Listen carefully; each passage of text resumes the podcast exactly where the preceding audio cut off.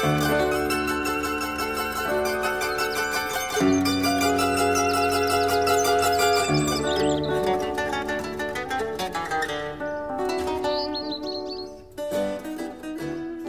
zijn Dijn. Jaden. En Olivier. Dit is onze podcast Kinderen van Nu en Toen. En dit zijn de spannendste verhalen speciaal voor jou. Veel luisterplezier! We gingen naar Henk Aldus in Heeselt. Hij was acht jaar toen de oorlog begon. En ken, kende u mensen die zaten ondergedoken? Of mensen die onderduikers hadden? in de Donkerstraat. Je had, je had al een rode schuur staan en had je beesten staan. En midden, ze zeggen, hier stonden de beesten en daar had je varkens. Maar in de midden had je hooi liggen. Toen ging ik 's morgens naartoe. Die beesten te voeren, hè. Toen zag ik de hooi hem zo aan. Zei, hoe kan dat nou? Dus ik maak me bang. Er zaten onderduikers onder. En ik kwam uit Friesland en Drenthe vandaan. En dat waren on- ondergrondse noemen ze dat, hè. Ondergrondse. En die bracht de, de bericht over van hier naar Engelse. De wal over. Dat was het voor. Maar ja, je niet weet, zit te kijken natuurlijk. Ja. Als Henk de beesten voert, ontdekt hij onderduikers onder het hooi. S'nachts zwemmen die de Waal over naar de bevrijde overkant en nemen dan berichten mee voor de Engelsen. Op een keer gaat Henk s'avonds mee de uiterwaarden in. Die mensen die moesten naar worden naar de, wal, hè. Toen zei hij, maar wel mee vanavond. Die mensen, hebben wat twee, drie man. Ik zei, ja. Ik zei, moet het al verteld hebben van moeder? Dat mag natuurlijk niet. Ik ben meegegaan. We lopen dat in dam af. En moesten over, overzwemmen. Eerst één en dan twee en dan drie.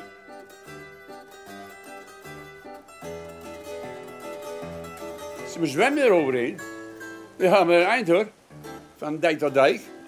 We zwemmen ze overheen. Er is het Anderskanaal daar ook. Daar kwam ze uit. Nou, nummer twee.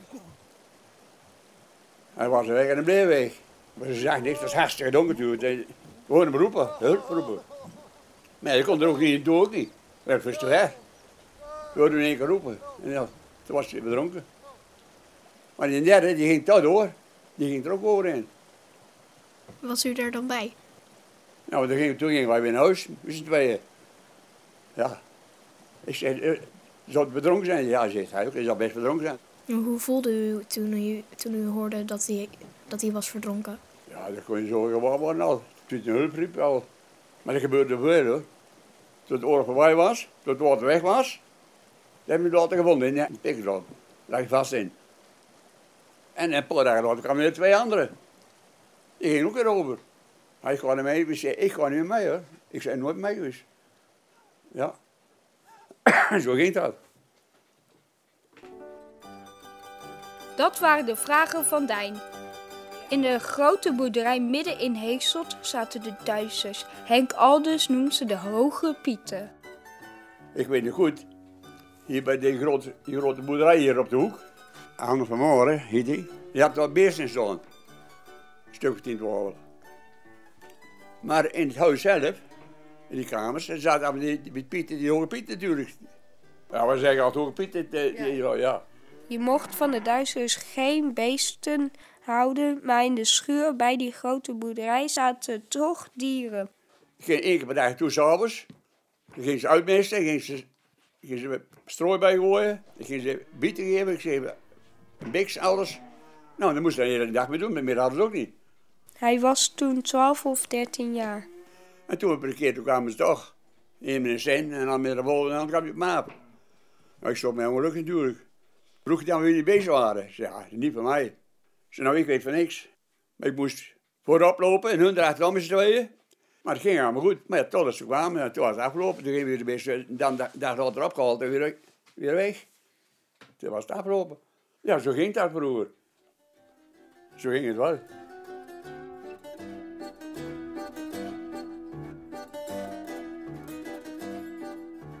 Eind van de oorlog wordt er zo hard gevochten bij de Waal dat ze weg moeten. Evacueren. Ze lopen helemaal naar Geldermalsen. Eh, bij de evacuatie, hoe ging dat? Ja, hoe ging dat? Toen zijn we terechtgekomen, smiddags in Geldermalsen. We wisten niet wat de rest zou komen. En mijn oom, oom en tante ook met de jongens. Fietskarretjes allemaal. Mijn moeder die had een, een eh, kinderwagen. Onderin en een vreed van het varken, een paar varkens geslaagd. Toen zijn we buurmansen geweest. Toen zijn we s'nachts weer slapen bij een boer. Tussen de beesten in. Geslapen, ik een plek. Maar nou komt het. Maar die oom van mij, die had een hondje bij hem. Ik weet nog goed, zijn zwart hondje.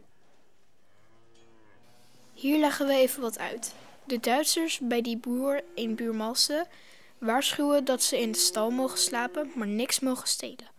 Dan worden ze doodgeschoten, zeggen de Duitsers. Als er vandaag gekloot wordt, maar we ook kapot geschoten worden. In al, hè, maar dat kan ik nog niet meer. Maar weet dat hondje veel? En dan denk ik, s'nachts om uur drie, ik weer wakker. Je hond een keer gewoon. Had je zo'n lange jas, ze lot een lange jas aan. Had je een stuk uitgevreten. Zo, oh god, oh god. Nou, toen zijn ze naar de boer, wist voor de boer sliep. Hebben ze de deur opgedaan en gevraagd, sowieso. Maak me gauw weg om zitten, want het is zo'n dood, hè, voor jullie allemaal. Nou, alles ingepakt, in de haast en honger. S'nachts om drie uur zijn we weggegaan. Ze komen uiteindelijk in Geldermalsen terecht. Ze hebben nog een landje in Heeselt voor aardappelen en groenten. En het varken. Daar gaan ze stiekem naartoe om het bij te houden. Maar het was een beetje rustig allemaal, met z'n dood allemaal. En mijn vader en mijn oma, we zijn een keer gaan eerst lopen. Want eind lopen helemaal zitten. Het, nou kan niet meer, broer kon alles. En dan kwamen we hier klaar te maken. En toen was ik een keer in de gang en dan kwam die Duitsers aan. Er komt een Duitse soldaat aan, terwijl zij stiekem op hun landje in Heeselt bezig zijn. Oom Wim weet raad. Heeft de Duitser geen last van koude voeten? Willem de weet goed, die trok zijn klompen uit. En die had de vrouw van hem het pantoffeltjes gemaakt. Van kleren. Zelf gemaakt. Vindt hij zijn zelfgemaakte sloffen niet mooi? Oh, vond hij mooi, weet je, vond hij mooi. Nou zei oom Willem tegen me, als we morgen terug mogen komen, dan krijg je mij de sloffen. En wij konden blijven. Zo was het gegaan, hè. Eerlijk waar. Maar we waren hartstikke blij natuurlijk. Ja. Maar dan zijn ze op een dag mest aan het rijden van de varken. Het is bijna het einde van de oorlog en best gevaarlijk. Toen waren mesje kruien, mesje kennen we, het mesje, hè. Maar We waren een tijd in de gang. En dan komt de vliegtuig kwam eraan. Bleef maar cirkelen. Dan komen we even staan met een Duitser op de motor. Wegwezen, want, want straks gaan ze schieten. Een soldaat op een motor komt hem waarschuwen. Toch wel aardig. Er stond een oud huisje op bij de, bij buurt daar. En ik hoor ze schieten. Dus bij de kraan laat staan. En ze dan teruglopen naar de huis, erin gekropen. Nou, en door de kraan staan, hier was het gat. Zo precies hadden ze geschoten. Ik heb nog een bijvraag. Ehm, ik kan me vast wel voorstellen dat je bang was. Zeg je nou? Was je bang? Ja, ik was hoor. Durf ik zeggen. Ja hoor. En hoe vindt u dit nou om dit te vertellen? Dat is wel gebeurd toen hoor. Vergeet het toch nooit meer. Vergeet het toch nooit meer zoiets. Nee. Nee. Nou, Dat waren denk ik al mijn vragen. Dat vergeet je nooit meer, zegt Henk Aldus. Ik voelde me bijna meelevend in dit verhaal. Zo goed vertelde je het. Ja? Ja. Nou, nu iedereen is uitgevraagd, eh, kunnen we dit gesprek nu denk ik afsluiten. Beëindigen. Dank u wel voor uw tijd. Dank u wel. Dank u wel. Bedankt voor het luisteren en tot de volgende keer.